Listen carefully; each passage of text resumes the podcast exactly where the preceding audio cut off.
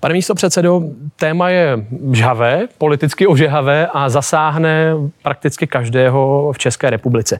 Vy stojíte za záměrem energetického regulačního úřadu jakožto za státní institucí eh, právě ohledně cen? Tak energetický regulační úřad je nezávislá instituce, která stanovuje poplatky v té regulované části, jak jste správně popsal, na základě jisté metodiky, čili to není úplně o tom, jestli bych souhlasil. Je lehce hajitelný ten přístup? Nesouhlasil. Já jsem kritizoval to, jakým způsobem vlastně došlo k informování veřejnosti. Kritizoval jsem to, že jakkoliv je energetický regulační úřad nezávislým, nezávislou institucí, tak si myslím, že ta tisková konference, respektive to vyhlášení toho, jakým způsobem se bude vyvíjet regulovaná složka energie, mělo být koordinováno minimálně s vládou, protože se skutečně jedná o velmi citlivou, sociálně citlivou věc. Je to citlivá věc pro firmy, a, pak si myslím, že se musel zbytečně hasit požár z toho strachu, který eh, v české veřejnosti oprávněně vznikl, hmm. protože eh, ceny elektřiny jsou bez zesporu věcí, která eh, zatěžuje rozpočty, rozpočty domácností i, i, i firem.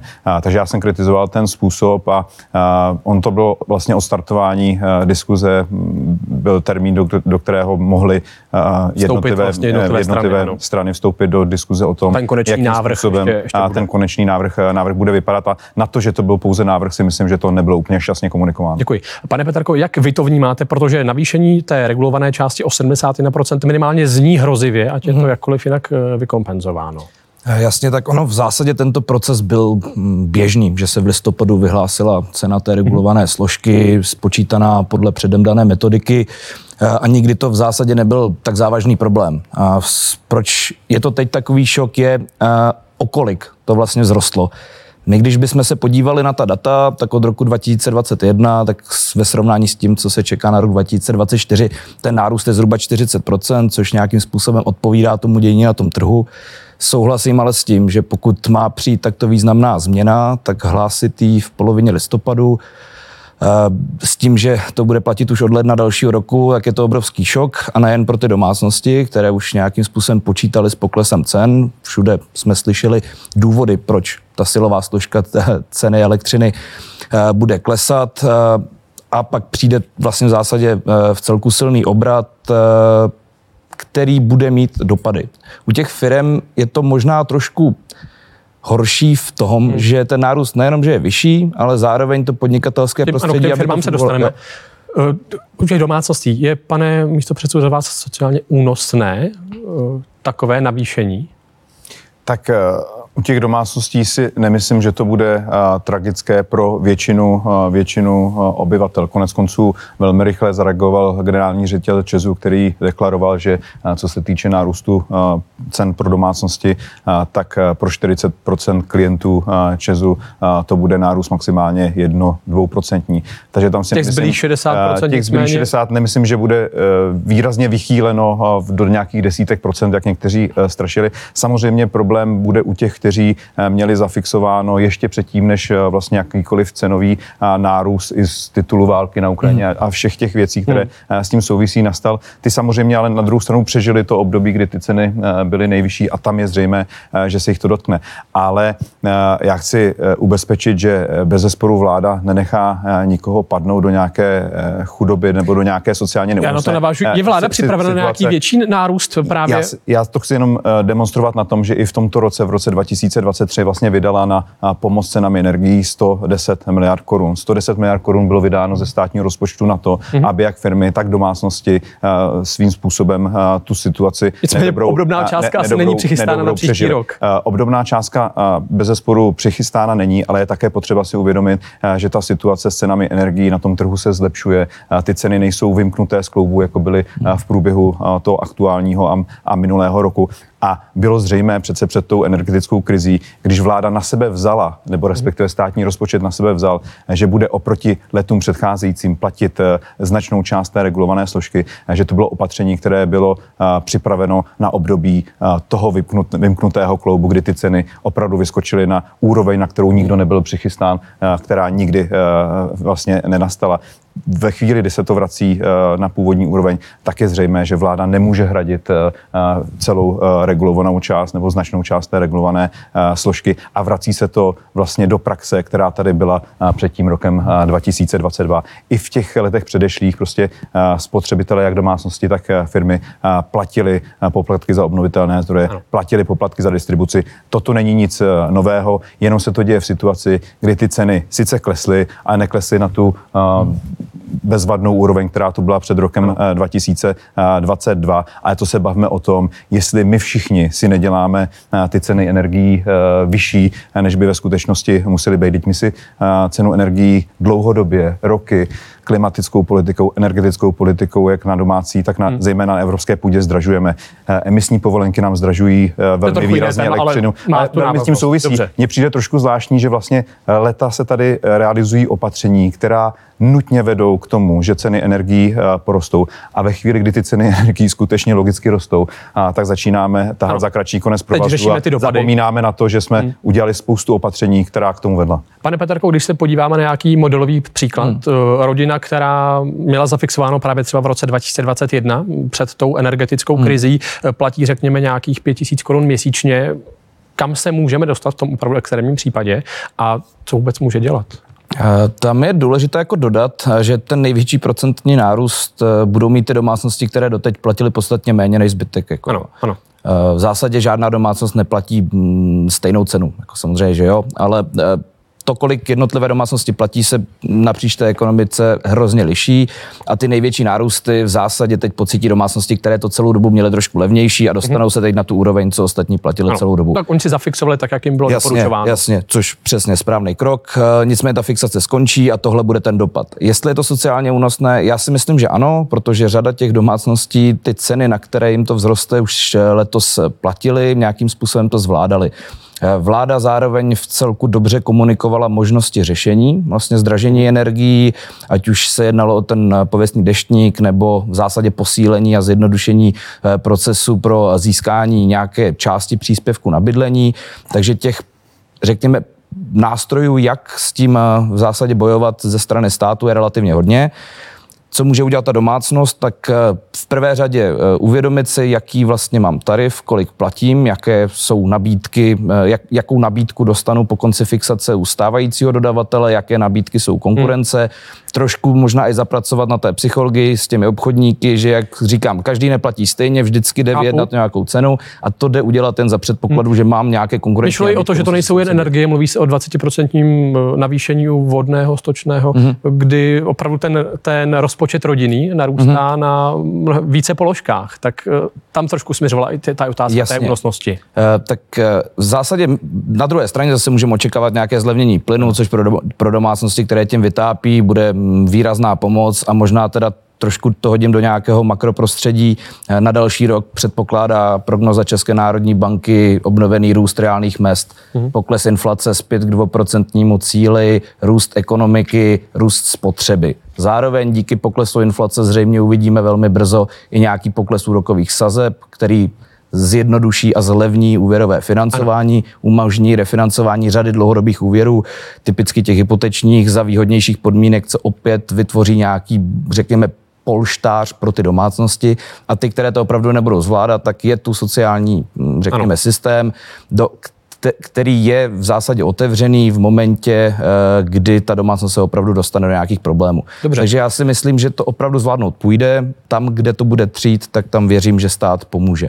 Pane místo předsedo, je za vás reálný tak velký pokles té neregulované části, aby právě vykompenzoval ten nárůst té regulované? Protože to tak. asi mohou být i očekávané desítky procent poklesu. My, my jsme oba ekonomové a co já nesnáším je, když eh, Predikce. naši kolegové říkají, jak se bude zítra vyvíjet eh, měnový kurz a jaká cena ropy bude eh, za dva měsíce. Eh, zodpovědný ekonom vám řekne, že to prostě není schopen hmm. Eh, přesně ano, říct. tak toto vám, řekl předseda vlády, řekl, že, vám že to může, budou Že vám procenta. může říct nějaké trendy, že vám může říct nějaké prognozy s nějakou mírou pravděpodobností. Hmm. Takže to hmm. buďme zase v tomto smyslu zodpovědní a neslibujme vzdušné zámky. Já vycházím z toho, že, že naši diváci nejsou ekonomové a slyší pana předsedu, který říká... Je zřejmé, je zřejmé, že prostě silová cena elektřiny klesá a má klesat i v budoucích letech, takže v tom vývoji těch cen to půjde opačným správným směrem.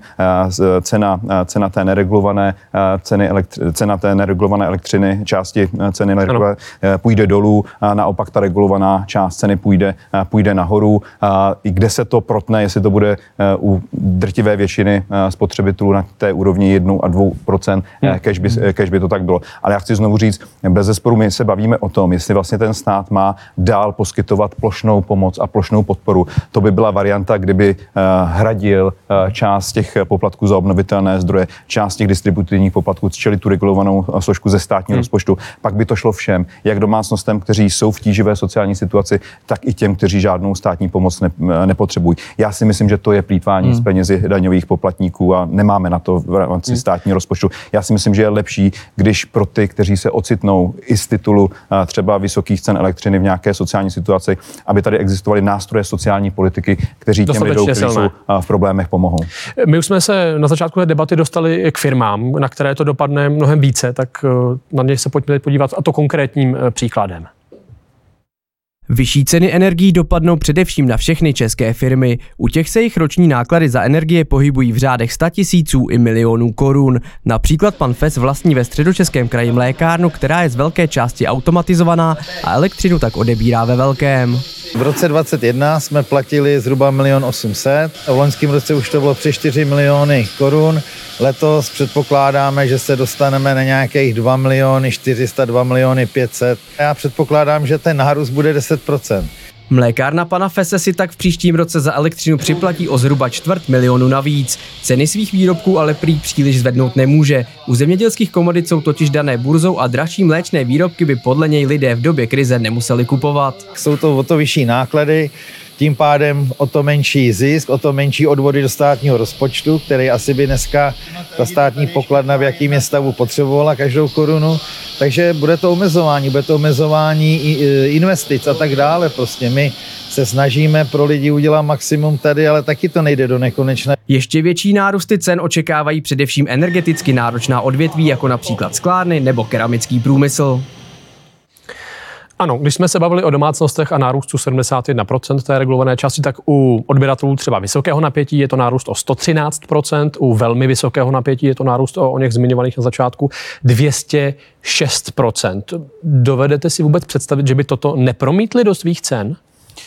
Uh, Protože ne... ten případ, pardon, který byl tady, byl poměrně jemný, my jsme záměrem nevolili žádný extrém, ale pak jsou opravdu extrémní případy železáren, tak skláren. Já začnu tím, že nedojdou si představit, že eh, český průmysl nebo české firmy dokáží zvládat každoroční nárůst podobný, podobného charakteru, aniž by to museli eh, přenést do cen, eh, do cen svých produktů, aniž by se to projevilo v jejich konkurenceschopnosti i vůči, vůči mm-hmm. třeba zahraničí a jiným regionům, kde se chovají k, v rámci zelené politiky a v rámci energetické politiky racionálněji než, mm-hmm. my, než my v Evropě. A to ne. A na straně druhé také chci připomenout, že i v minulém roce jsme byli strašeni, že tu vůbec nebude ze strany hnutí ano, zejména, že tady vůbec nebude energie, že když to bude energie, tak bude velmi drahá a, a když bude velmi drahá, tak budou krachovat, eh, tak bude krachovat český průmysl. Nic z toho se nestalo i díky té pomoci, která ze státního rozpočtu hmm. šla. Co se týče eh, toho příštího roku, tak ta diskuze, která mezi energetickým regulačním úřadem a zástupci vlády eh, probíhá, eh, tak eh,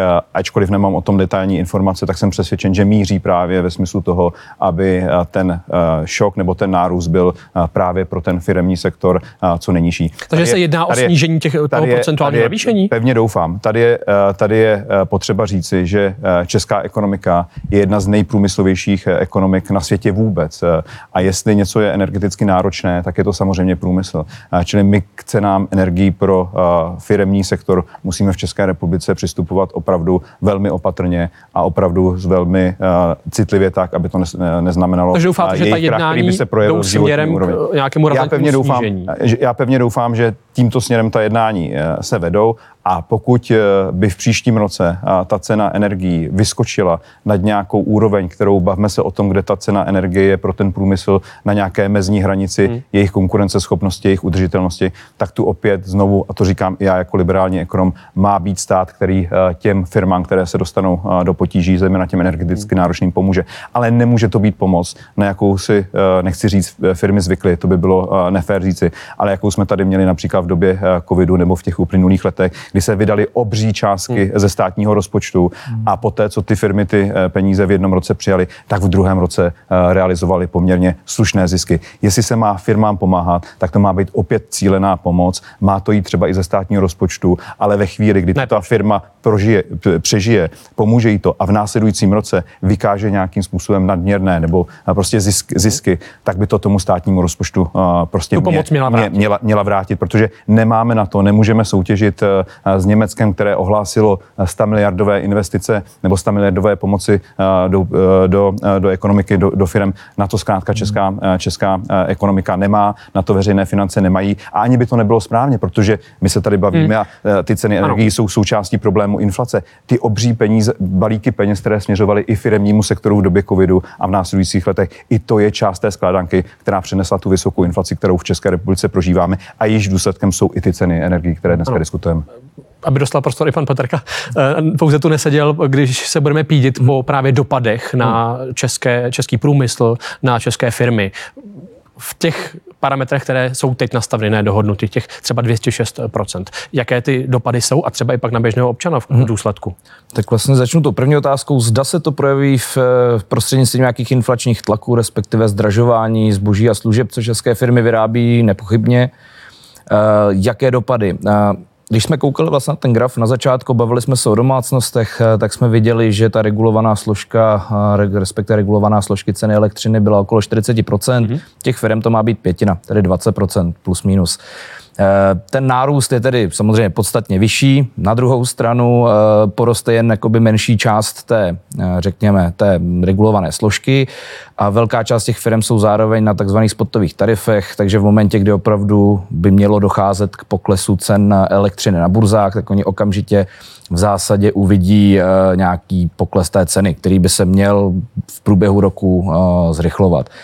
Eh, jak říkal pan Skopeček, eh, nemůžeme slíbit samozřejmě, jak přesně a kolik bude co kde stát. Nicméně ty tlaky ve světě jsou v celku mm, schodné a to je, že se bude tlačit na pokles cen eh, energetických komodit obecně. Je to způsobeno i mm, nižší ekonomickou aktivitou na globálních trzích. Jsou to ale samozřejmě ta rizika, na která je nutné se připravit. Ta rizika jsou nejen válka na Ukrajině, ale teď už i konflikt hmm. na Blízkém východě. Zároveň eh, můžeme vidět nějakou, řekněme, eh, vzestupnou tendenci v čínské ekonomice, která opět zvýší poptávku po energetických komoditách ve světě.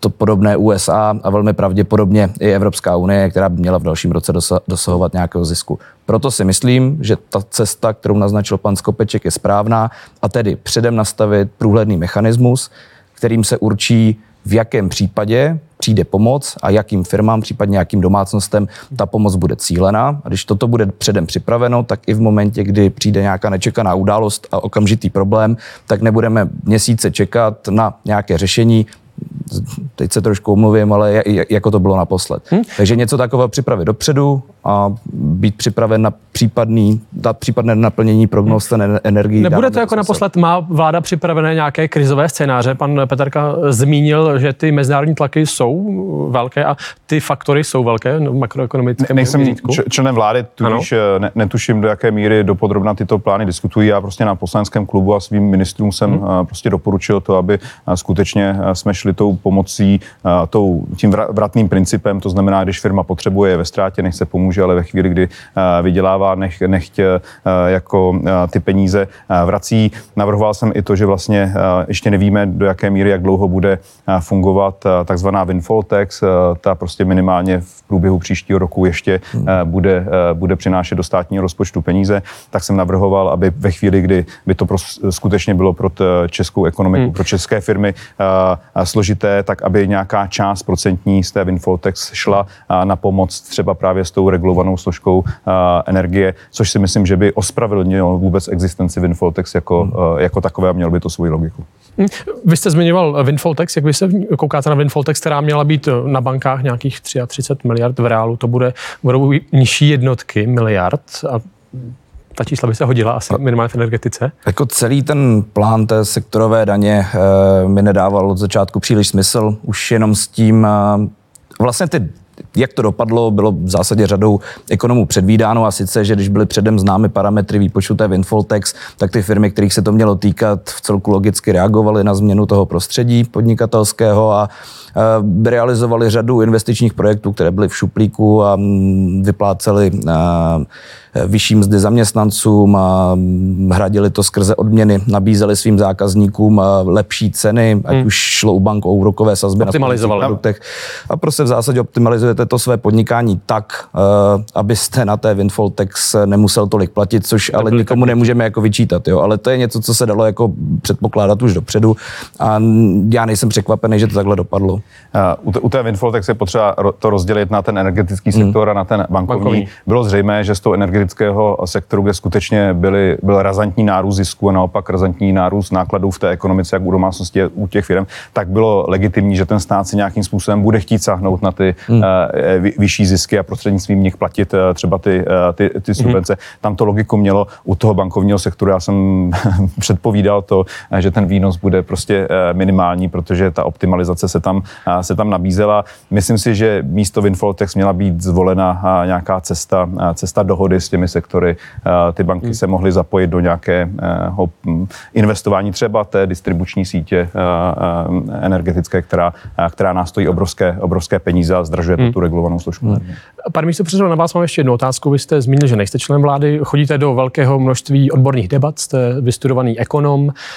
Neproběhla někdy ve vedení vaší strany diskuze o tom, že by vaše parlamentní funkce byla vystřídána třeba za nějakou vládní? Opravdu si myslím, že, eh, že taková diskuze nenastala. Ne. Já tak odpovídám vlastně od začátku, eh, od den po volbách, že eh, rozhodování o, eh, o vládních postech je na straně premiéra a ten má plné právo si vybrat svůj tým, kterému důvěřuje a který si myslí, že provede Českou republiku. Minimálně stál tím, byste o to? Tím složitým obdobím, protože taková nabídka neexistuje, tak ji nebudu, nebudu odpovídat. Já jsem vždycky připraven pracovat v té roli, kterou mám co, co nejaktivněji. Myslím si, že jsem si si eh, jako místo předseda eh, parlamentu patřím pracovitý místo předsedům parlamentu. Eh, chodit do televizních diskuzí považuji za automatickou součást prostě práce politika, hmm. přestože to člověku naruší víkendy, tak je to prostě naše práce a komunikovat s voliči agendu, kterou politik dělá, je základní předpoklad toho, aby politická strana, kterou reprezentuje, nebo i ten politik samotný měl nějakou míru důvěry a, a nějakou míru podpory. Takže pro mě je to automatismus a jakékoliv politické role se budu, to, budu toto dělat a budu se snažit být aktivní. Tak snad toto narušení víkendu bylo pro vás ten příjemné, ale pro diváky užitečné. Moc děkuji za to, že jste přišli. Děkuji pěkně za pozvání. Děkujeme.